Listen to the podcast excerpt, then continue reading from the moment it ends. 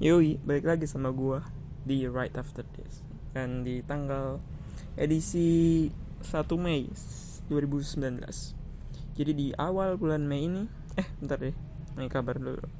Apa kabarnya nih lo semua pendengar-pendengar gua? Kemarin gua lihat di uh, statistik anchor gua Udah mulai rame nih podcast ya kan. Semoga lo baik-baik aja ya. Dengerin gua ngoceh gini. Ya di awal bulan Mei ini bertepatan dengan uh, Hari Buruh ya. Sekarang 1 Mei Hari Buruh. Hari Buruh di Hari Buruh Dunia. Dan di Indonesia Hari Buruh itu dijadikan hari libur nasional kayak gitu. Anyway, di sekarang kan tanggal merah nih. Iya sih tanggal merah. Ya nggak penting sih, cuma uh, tanggal merah sekarang tetap aja nggak berasa buat gue kan karena gue juga udah libur terus. Nah anyway ngomongin libur belakangan ini kan gue juga punya kesibukan uh, ten ya seperti biasa kesibukan gue. Mengajar mimpi ya. Oke okay. uh, bacot ya gue emang ya. Kali ini kan uh, bertepatan dengan hari buruh nih May Day. Nah, sekarang gua mau bakal mulai masuk ke dalam ranah-ranah uh, sejarah nih. Ini gue bakal ngejelasin sejarah dan perkembangan hari buruh di Indonesia atau di dunia sih. Jadi uh, langsung masuk aja nih ya kan. Pada banyak kan ngoceh. Jadi hari buruh itu sebenarnya banyak banget sih sumber-sumber sejarah yang uh, ngomongin tentang sejarahnya, sejarah hari buruh uh, mostly mereka membicarakan tentang ya sosialis di dunia dong kalau hari buruh buruh kan uh, berhubungan erat tentang dengan uh, apa namanya kiri ke kiri kirian gitu ya.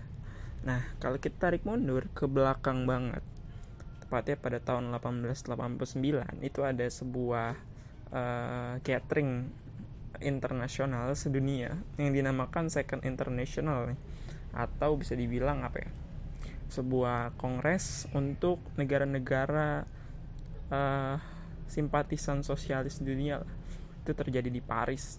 Nah, berdasarkan kesepakatan dari international eh second international ini kan yang di Paris ini menetapkan bahwa tanggal 1 Mei itu akan ditetapkan sebagai hari buruh dunia. Jadi hari buruhnya uh, universal gitu sedunia.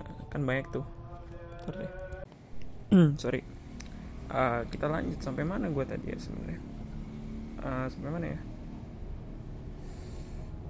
Oh iya. Uh, sampai mana anjing? Seriusan gue lupa. Jadi tadi ada ajaan. Kita berhenti dulu sejenak. Oke okay. gue balik lagi aja pokoknya pada tahun 1889 nih ada sebuah kongres internasional sosialis di dunia atau ya dikenal dengan nama Second International uh, yang terdiri dari sekitar 20 negara simpatisan sosialis dunia dan menetapkan bahwa tanggal 1 Mei adalah uh, akan diperingati sebagai hari buruh universal sedunia gitu ya kan? banyak kan hari-hari uh, hari peringatan hari-hari se-international se sedunia itu kan banyak ya. Nah, tanggal 1 Mei ini ditetapkan sebagai oleh mereka nih oleh 20 negara sebagai hari buruh dunia. Nah, apa sih tuntutan mereka? Jadi di Second International ini banyak banget tuntutan mereka pokoknya. Tapi yang paling uh, terkenal dan sering disebut-sebut adalah tuntutan untuk pengurangan jam kerja.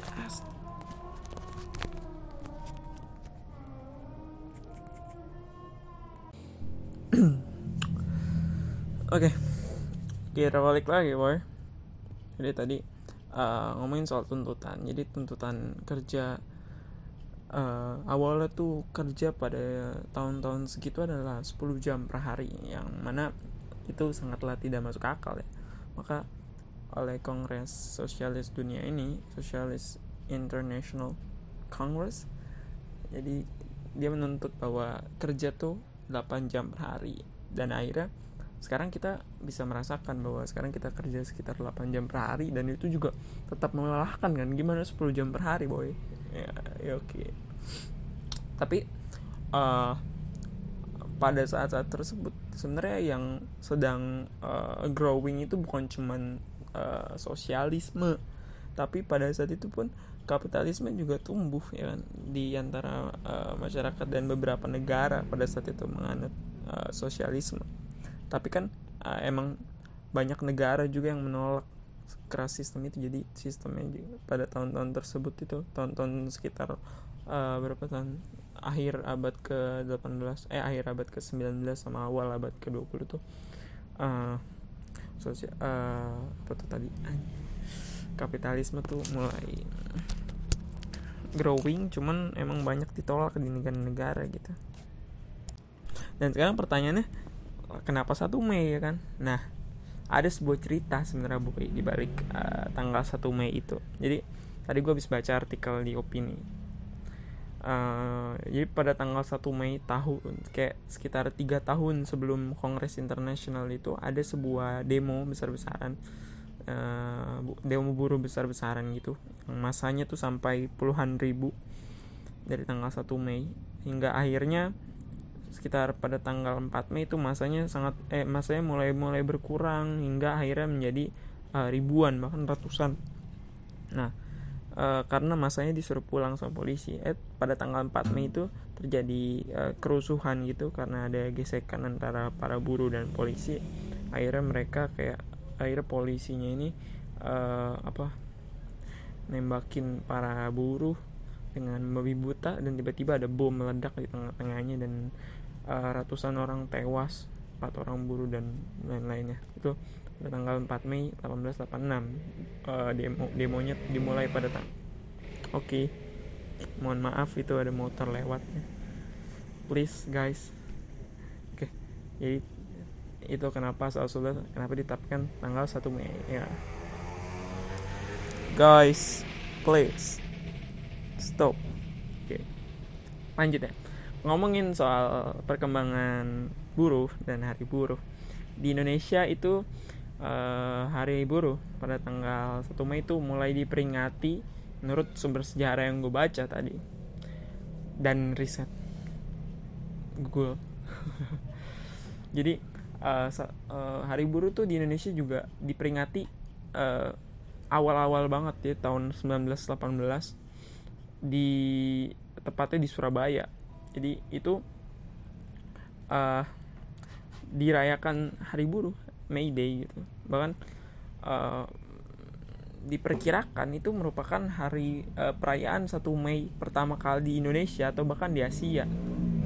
Ah please. Oh my god. Jadi gue ngerekordnya nih di uh, kamar pinggir jalan. So like baik banget motor lewat. Jadi mohon dimaklumi ya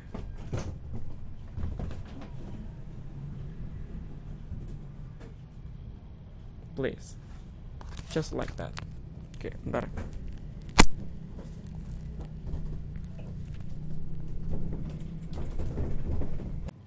Oke okay.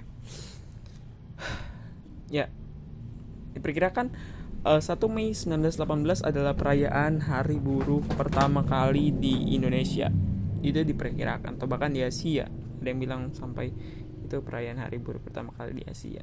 Dan berjalan terus sampai pada tahun uh, mulai-mulai pemberontakan itu tahun 26 26 27 mulai uh, oleh pemerintah kolonial Belanda mulai ditekan lah para kaum buruh dan para uh, proletariat para uh, apa namanya orang-orang kiri. Jadi ditekan karena mulai menunjukkan ketidak uh, menunjukkan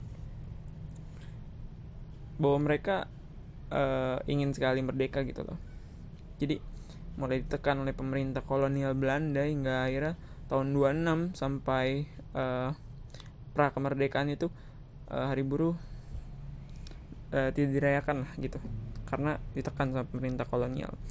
Uh, dan mulai uh, kembali dirayakan kembali itu pasca kemerdekaan sekitar ya tahun 46 mungkin. Uh, di uh, di mana itu? Di Yogyakarta. Tahun 1 Mei 1946 um, hari buruh yang sangatlah terkenal karena di situ rakyat mulai berani kayak bawa-bawa pamflet uh, gambar Paluarit, gambar Marx, gambar Stalin, gambar Lenin kayak gitu. Mulai tahun-tahun 46 sampai uh, pra orde baru itu nah sedang sedangkan perjuangan kaum buruh kaum kiri kaum proletar dan kaum sosialis di Indonesia itu juga sangatlah uh, tidak mulus ya. Karena uh, pemerintah orde baru ya uh, dengan ketakutan mereka terhadap komunisme juga uh, mulai menekan para kaum buruh. Sehingga uh, pada saat orde baru tuh uh, hari buruh tuh tidak begitu dirayakan lah. Karena ya polisi you know lah what happened in orde baru nah puncaknya adalah kejadian pada tahun 1993 sebenarnya banyak kejadian-kejadian uh, apa namanya penganiayaan terhadap buruh. Tapi puncaknya tahun 1993 ada seorang buruh asal sidoarjo jawa timur ya namanya Marsina. Nah dia sehabis dia berdemo uh, menuntut perusahaannya ya kan dia tiba-tiba hilang dan ditemukan guys place oke. okay.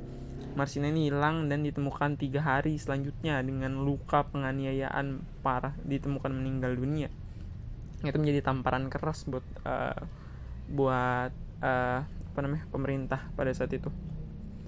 Orde baru runtuh dan akhirnya hari buruh mulai eksis lagi ya kan, dirayakan di seluruh Indonesia.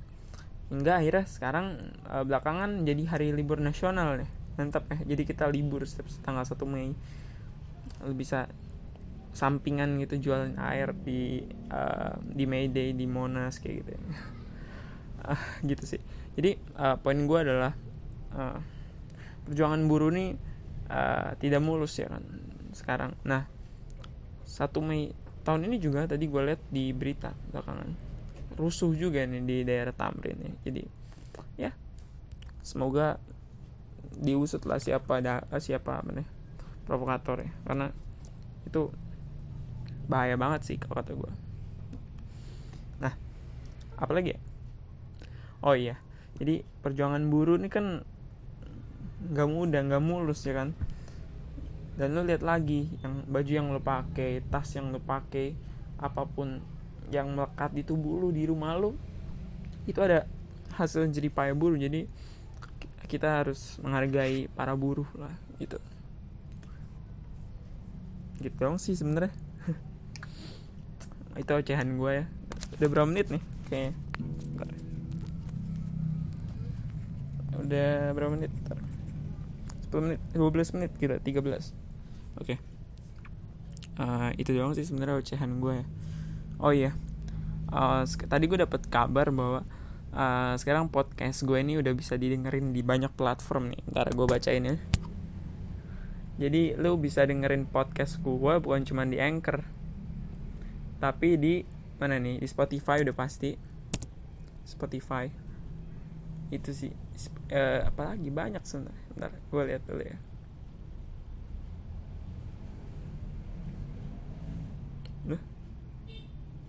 Oke, ada di Anchor, ada di Apple Podcast, ada di Google Podcast juga, di Breaker, Spotify, obviously.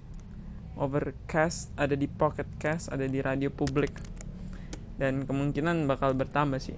Jadi uh, buat lu pengguna Apple Podcast, tolong banget minta bintang 5-nya kan kalau lu tertarik.